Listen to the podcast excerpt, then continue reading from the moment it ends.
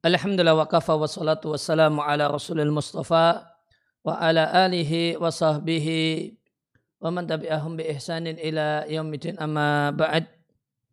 Kaum muslimin dan muslimah rahimani wa rahimakumullah kita lanjutkan membaca buku Kaifa Turabi Abna'aka yang berisi 30 kaidah praktis dalam mendidik anak kita baca ulang dari kaidah yang pertama yang ada di halaman 17. Maka kita kaidah pertama mengatakan kita sikapi anak-anak kita sesuai dengan fase umurnya. Sebagaimana dalam kata mutiara yang terkenal la'ib waladaka sab'ain jadilah kawan main untuk anakmu di tujuh tahun pertama umurnya. Wa adibhu sab'an. Didiklah arah arahkan dan bina di tujuh tahun setelahnya. Berarti tujuh sampai tambah tujuh empat belas.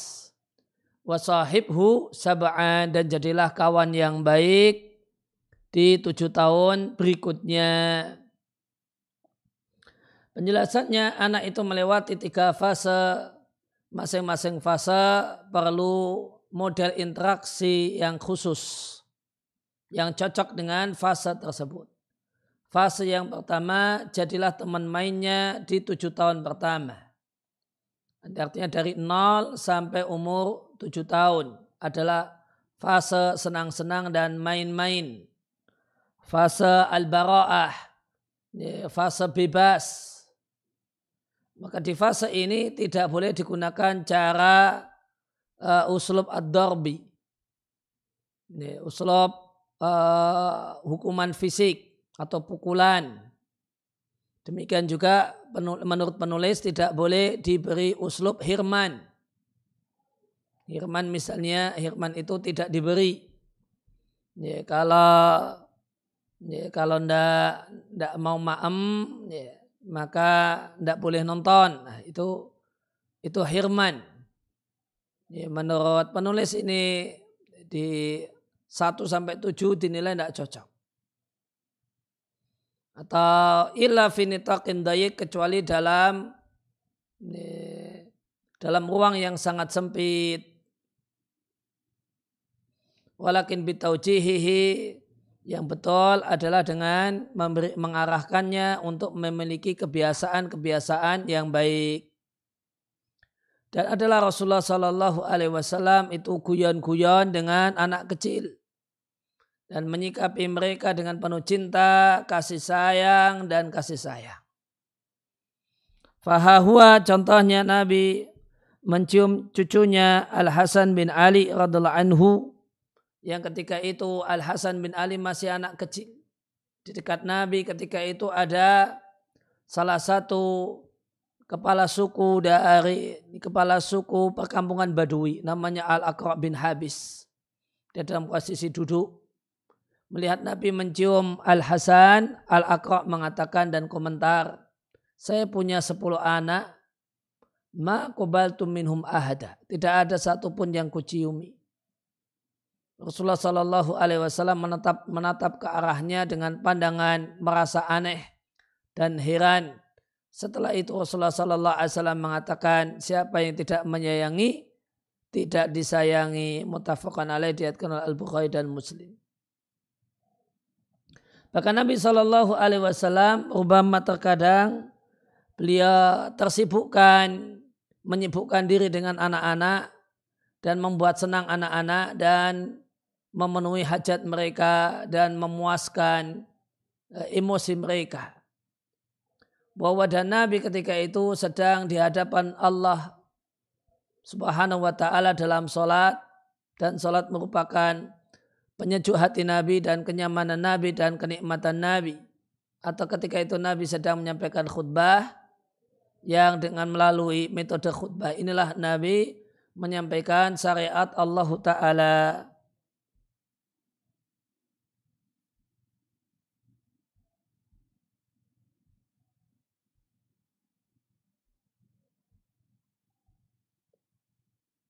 Penjelasannya Rasulullah Shallallahu Alaihi Wasallam satu ketika ya, kharaja keluar dari rumah untuk memimpin sholat dur atau sholat asar dan Nabi menggendong Al Hasan atau Husain. Nabi maju untuk jadi imam sholat dan Nabi meletakkan Al Hasan atau Husain di sampingnya. Nabi bertakbir untuk salat, fasallallahu bin lantas salat, tatkala Nabi sujud, Nabi sujudnya lama. Falamma eh, falamma in eh, falamma tahati salatu maka tatkala salat telah selesai Nabi berkata kepada banyak orang atau qala an-nasu banyak orang berkata wahai Rasulullah sesungguhnya engkau tadi sujud satu sujud yang qad atol taha yang sujudmu itu lama. Maka kami menyangka bahasanya telah terjadi satu perkara atau engkau mendapatkan wahyu. Jawaban Nabi SAW, fakulu dalika lam yakun. Itu semua tidak ada. Akan tetapi ibni anakku maksudnya cucuku. Ya, di sini dalil bahasanya cucu boleh disebut dengan sebutan anak. Namun anakku menjadikan diriku sebagai hewan tunggangan. Jadi Al-Hasan naik ke punggung Nabi. Maka aku tidak suka dan tidak menginginkan untuk e, membuat dia cepat-cepat turun sampai dia menyelesaikan hajat dan keinginannya. Dia ke Imam Ahmad.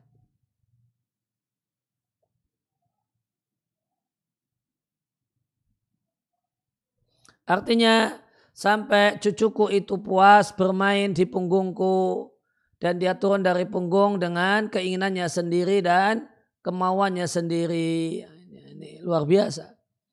Ini, Nabi memuaskan apa yang menjadi keinginan uh, cucunya. Di satu ketika Nabi datang ke masjid sambil menggendong anak perempuan dari anak perempuan Nabi yaitu Umamah binti Zainab dan adalah Nabi Shallallahu Alaihi Wasallam yahmiluha menggendongnya ketika Nabi jadi sholat memimpin banyak orang. Jika berdiri Nabi menggendongnya dan jika bersujud Nabi meletakkannya mutafakon alaihi. Ini Umamah cucu Nabi Shallallahu Alaihi Wasallam. Dan karena nama Umamah ini saya terinspirasi untuk memberikan nama untuk salah satu anak perempuan saya dengan nama Umamah. Al-Hafidh Ibnu Hajar rahimahullah ta'ala mengatakan di antara bentuk kasih sayang Nabi dan kasih sayang Nabi kepada Umamah adalah Nabi Shallallahu Alaihi Wasallam karena idha roka'a jika Nabi ruku atau sujud Nabi khawatir mengkhawatirkan yakhsha alaiha mengkhawatirkan kondisi Umamah yaitu jatuh. Maka Nabi letakkan Umamah di lantai. Maka anna dan seakan-akan Umamah kanat li ta'aluqiha bihi. Karena dia begitu nempel sama kakeknya. Latas biru fil ardi. Maka Umamah kecil ini tidak sabar.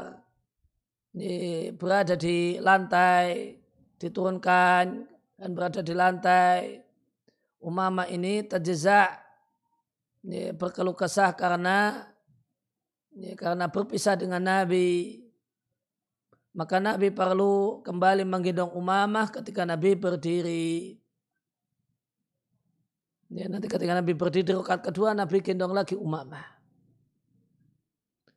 Maka sebagian ulama menyimpulkan dari hal ini betapa besar kadar kasih sayang kepada kepada anak. Li'annau karena Nabi Shallallahu Alaihi Wasallam karena terjadi pertentangan pada saat itu pada diri Nabi. Antara muhafadha alal mubalaghati fil khusyu'i antara mubal, uh, antara berusaha untuk maksimal dalam khusyuk dan muhafadzah berupaya untuk membuat nyaman hati anaknya atau cucunya yaitu Umamah.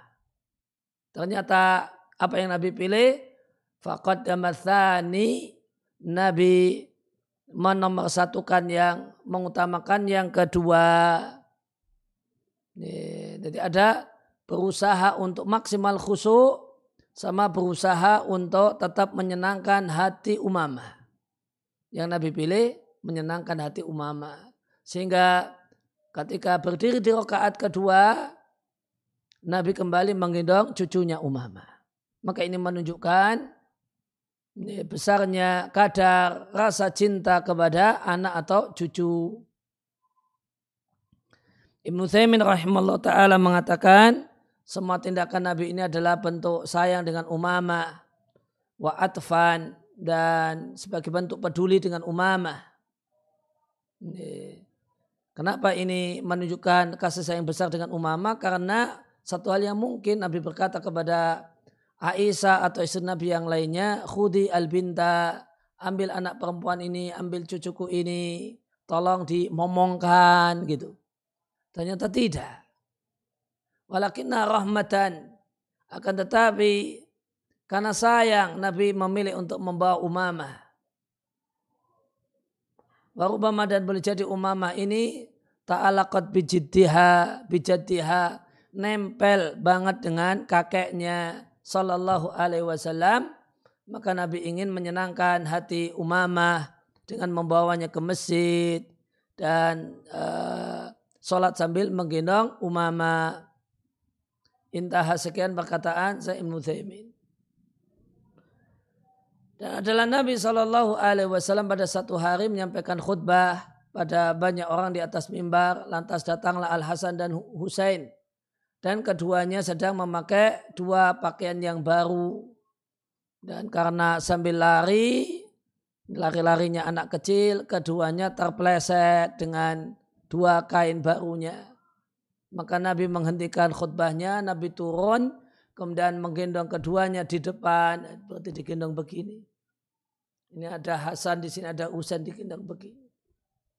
Wakal, kemudian Nabi Shallallahu Alaihi Wasallam mengatakan, Sodakallahu, ini sungguh benar Allah dalam firman-Nya inna inna ma'amwalukum wa auladukum fitnah hanyalah harta dan anak demikian cucu, cucu kalian adalah cobaan. Nabi katakan nadar tu ila hadaini ini saya melihat dua anak kecil ini terpleset dan saya tidak bersabar. Nah, sehingga ceramah atau khutbah dihentikan demi menghampiri cucu yang jatuh terpleset. Nah, demikian riwayat Abu Dawud. Di sini kita jumpai ya, bolehnya merespon firman Allah dengan kata-kata sodakallah. Ya, dan yang tepat, sodakallah itu tidak menjadi bacaan rutin setiap selesai baca Al-Quran. Namun respon ketika kita merenungkan ayat Al-Quran dan kita jumpai kalau itu memiliki kecocokan dengan kondisi kita. Apa yang dimaksud saya tidak bisa bersabar? Ya, artinya tidaklah nyaman uh, jiwa Nabi sampai turun dari mimbar dan menggendong kedua cucunya. Padahal Nabi ketika itu sedang berdiri di hadapan al-jamu al-ghafur banyak orang sedang dalam ibadah dan ketaatan akan tetapi kasih sayang ada di hati Nabi terhadap anak kecil lam, lam tumhilhu Eh, tidaklah kemudian membuat Nabi uh, bisa bersabar sehingga Nabi menghentikan khutbahnya kemudian memeluk kedua cucunya dan menciumi kedua cucunya. Maka ini adalah satu risalah satu pesan untuk semua ayah dan ibu. Hendaklah mereka mengevaluasi uh, hisabatihim ma'atfalihim. Sikap mereka dengan anak-anaknya. Tidaklah mereka menadani Rasul, uh, Rasul mereka dan kekasih mereka Sallallahu Alaihi Wasallam. Jika mereka betul-betul orang yang beriman, yang meneladani Nabi, yang mencintai Nabi dan memuliakan Nabi.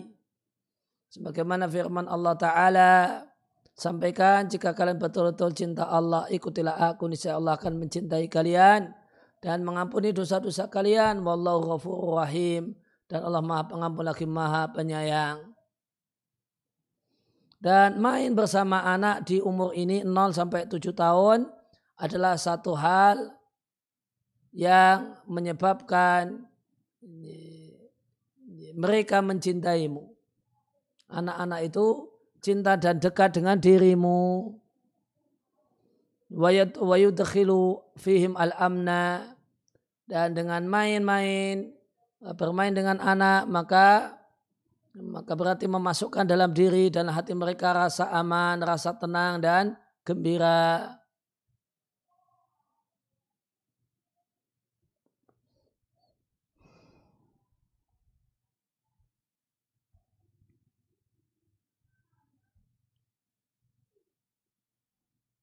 Maka terkadang Anda jumpai diri dirimu ahyanan terkadang engkau main bersama anak sedangkan pikiranmu itu sibuk dalam uh, amalin sibuk dalam pekerjaan atau satu permasalahan. Maka hal ini yakni bermakna bahwasanya engkau belumlah memasukkan anakmu rasa cinta kepada anak dalam kehidupan pribadimu secara utuh. Hadid waktan, tentukan satu waktu yang logis dan katakan dalam dirimu bahasanya in ahadal waktu-waktu ini seluruhnya untuk anakku. Dengan itu maka engkau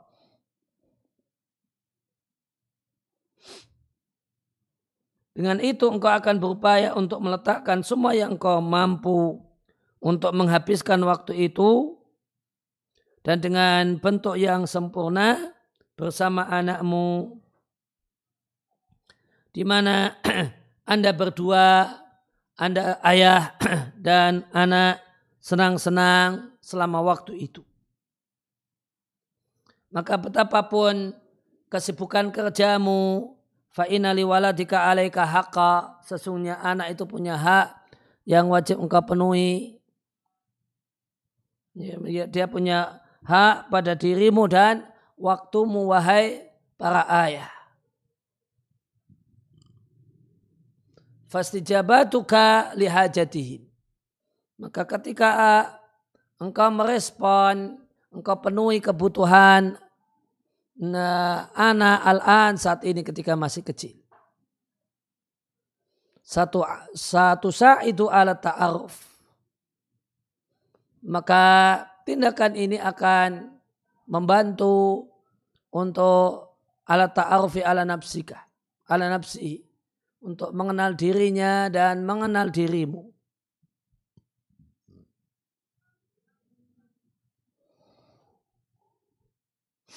Dan ini mimma yu'ayinu satu hal yang membantu alat takayuf untuk beradaptasi di hari-hari yang akan datang.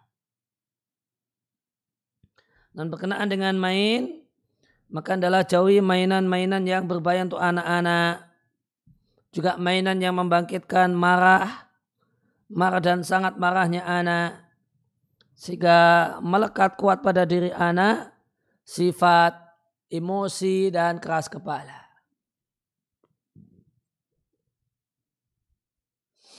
Maka sebagaimana anak hunaka khotoan syai'an ada satu kesalahan yang telah tersebar pada banyak keluarga.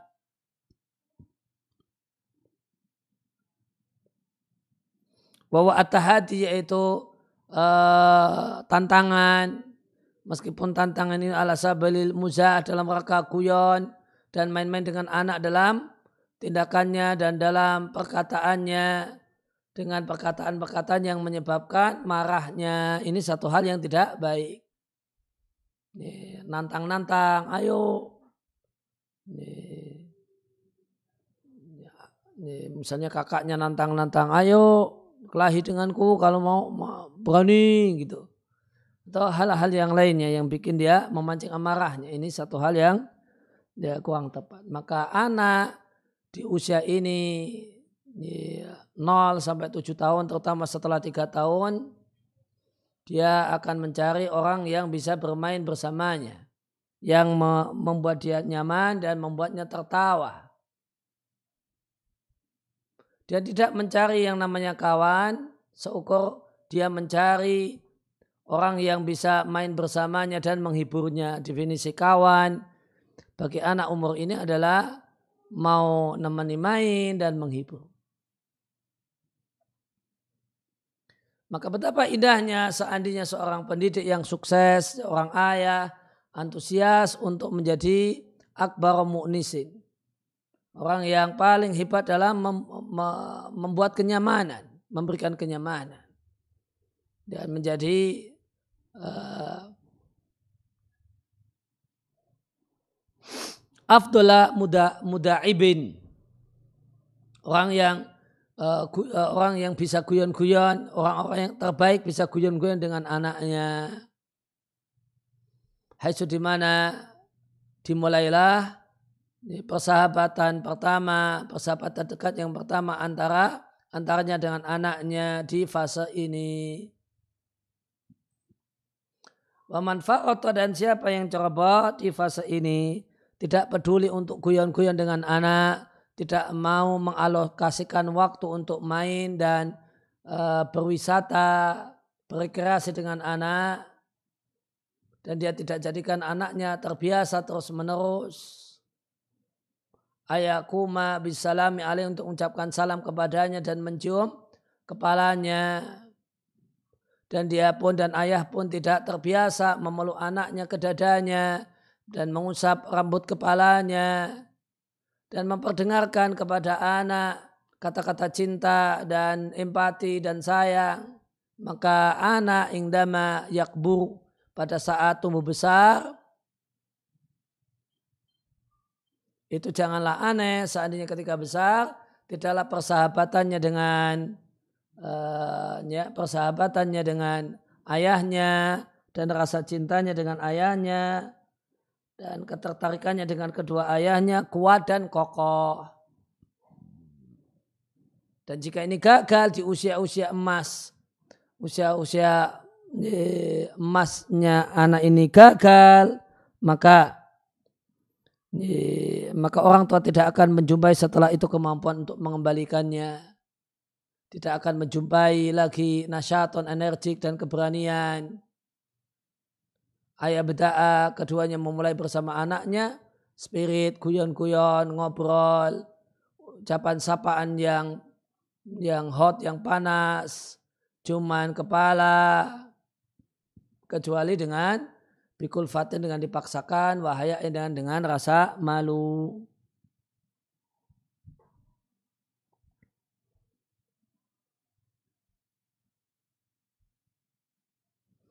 bari dan sepatunya bagi orang tua untuk menjauhkan dari anak hal-hal yang menyebabkan ketakutan dan kecemasan semacam pertengkaran terang-terangan antara suami istri.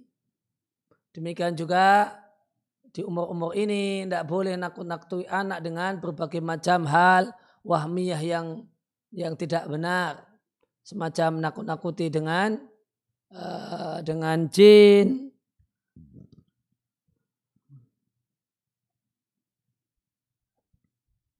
harami harami itu uh, atau semacam begal rampok urusul lail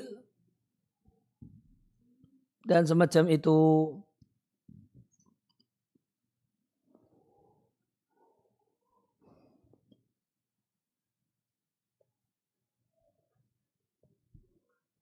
Wa min dalika di antaranya adalah ibda'ul khawfi menampakkan rasa takut dan cemas dari ayah kepada uh, kepada anak-anaknya. Akhirnya berpindahlah rasa takut ini dari orang tua kepada anak.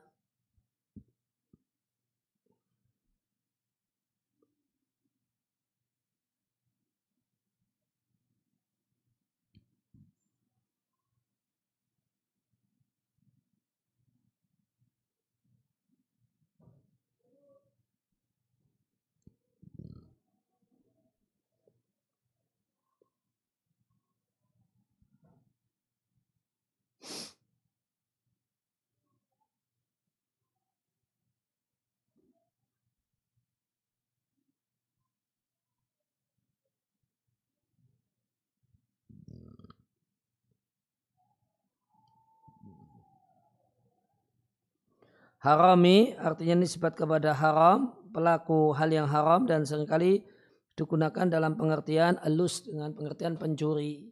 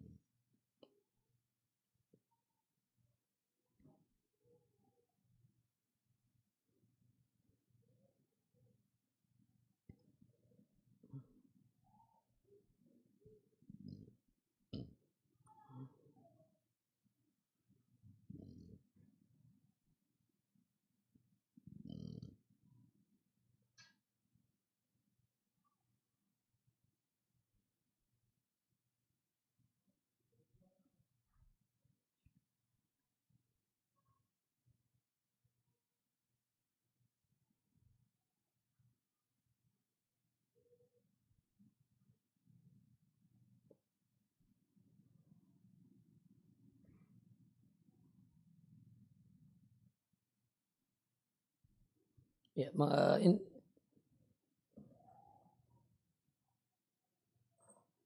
Ya kenapa tidak boleh nakut-nakuti anak? Kalau tempat kita ada nakut-nakuti dengan dokter, dengan polisi, dengan hantu, tidak boleh. Wahada yu'athiru karena hal ini satu hal yang memiliki pengaruh, dampak bagi anak di masa depan. Dia akan tumbuh besar dalam keadaan penakut dan memiliki kepribadian yang lemah sehingga dia tidak pandai membuat keputusan. Dari sini maka sepatutnya kita orang tua berupaya untuk mengetahui uh, kekhasan anak yang paling penting dalam fase umur ini. Hai itu di mana umur 0 sampai 7 itu teranggap fase umur yang paling penting dalam kehidupan manusia. Ini karena di fase inilah Bidayah asal dari pembentukan dan pembentukan. Dan di fase umur ini saya kunul insanu ba'da dalika.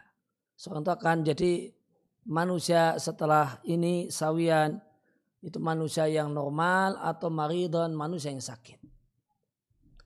Semua penyakit-penyakit psikologi kurang lebih muncul tansya'u muncul natijah hasil dari jeleknya pemahaman terhadap karakter fase umur ini dan tuntutan tengkar, bohong, mencuri dan penyakit-penyakit yang lainnya itu muncul di awal fase umur ini. In usia ilatifli fiha jika di fiha di fase umur ini anak disikapi dengan sikap yang buruk. Walam yu'ammal dan tidak disikapi dengan muamalah tarbawiyah sikap yang edukatif, salimah yang bagus.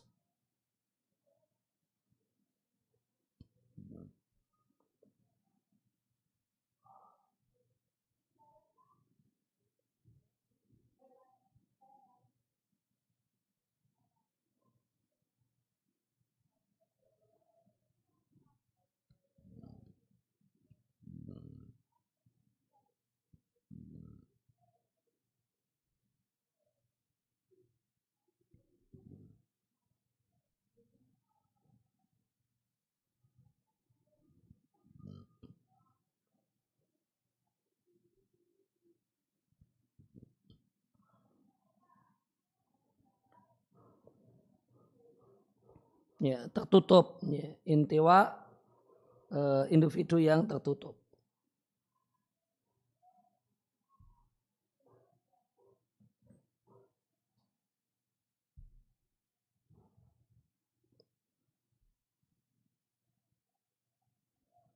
Nah, kemudian walakin anak akan tapi kami nuakid menegaskan bahwasanya ke kekhasan-kekhasan ini itu bukanlah uh, buatan pada sebagian anak. Namun hal ini menunjukkan kalau anak tersebut normal, watabi'i dan alami. Ben ata dalika alal murabi meskipun hal tersebut bagi pendidik menimbulkan sejumlah bahaya. Maka aham hadil khasais Maka kekhasan yang paling penting di fase umur ini 0 sampai 7 tahun adalah eh, beberapa poin sebagai berikut.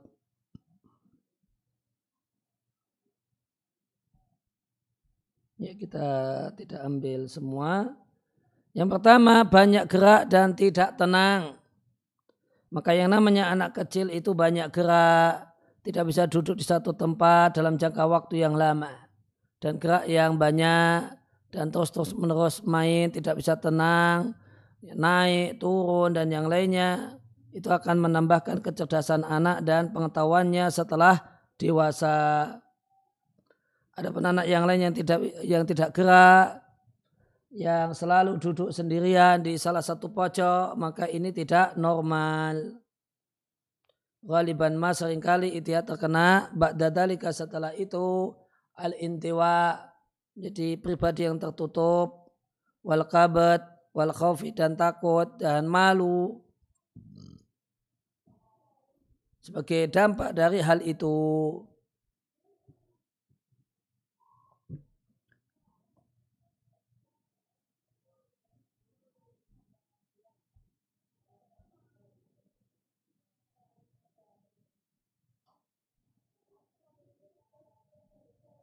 ada kosakata kaptun kaptun itu mengikat misalnya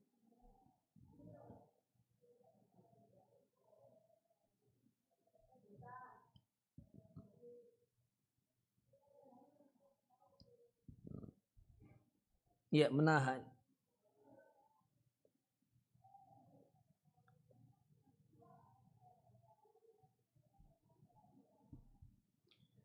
Ya, walakin hunaka ba'dul asya akan tapi ada beberapa hal yang membantu untuk mendidik, membimbing gerak anak yang banyak itu di fase ini di antaranya ibu berupaya untuk menyibukkan waktu kosongnya, waktu kosong anak ini bersama si ibu dalam aktivitas rumah.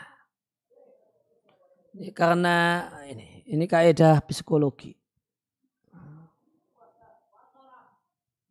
Karena jiwa manusia secara umum jika tidak Anda sibukkan dengan ketaatan atau hal yang manfaat akan sibuk dengan maksiat minimal hal yang berbahaya.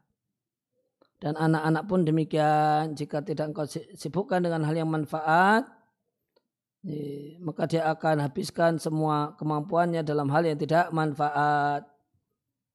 Pak, kemudian berkunjung ke kerabat dan kawan, tetangga yang dia punya anak semisal anak dalam usia kita. Sehingga anak bisa main-main bersama kawan-kawannya yang seumuran.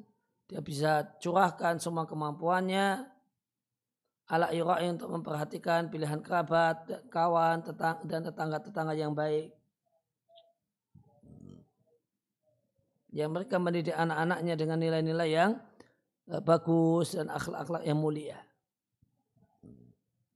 di Allah yusma supaya tidak terdengar hal yang menghalangi menghalangi anak menghalanginya untuk kata-kata yang badiah kata-kata yang kotor dan yang lainnya yang kerusakan akhlak yang lainnya. Oleh karena itu anak perlu dilarang untuk banyak terjun ke jalan besar bersama kawan-kawannya yang tidak bisa mendidik dengan dan mengarahkan dengan pendidikan yang baik.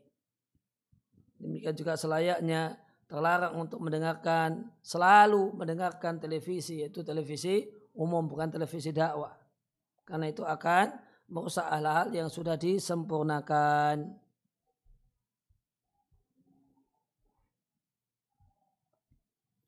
Kemudian Jim eh, ke lapangan dengan eh, membuat lapang dan nyaman dengan pergi berwisata meskipun hanya sekali setiap pekan minimalnya.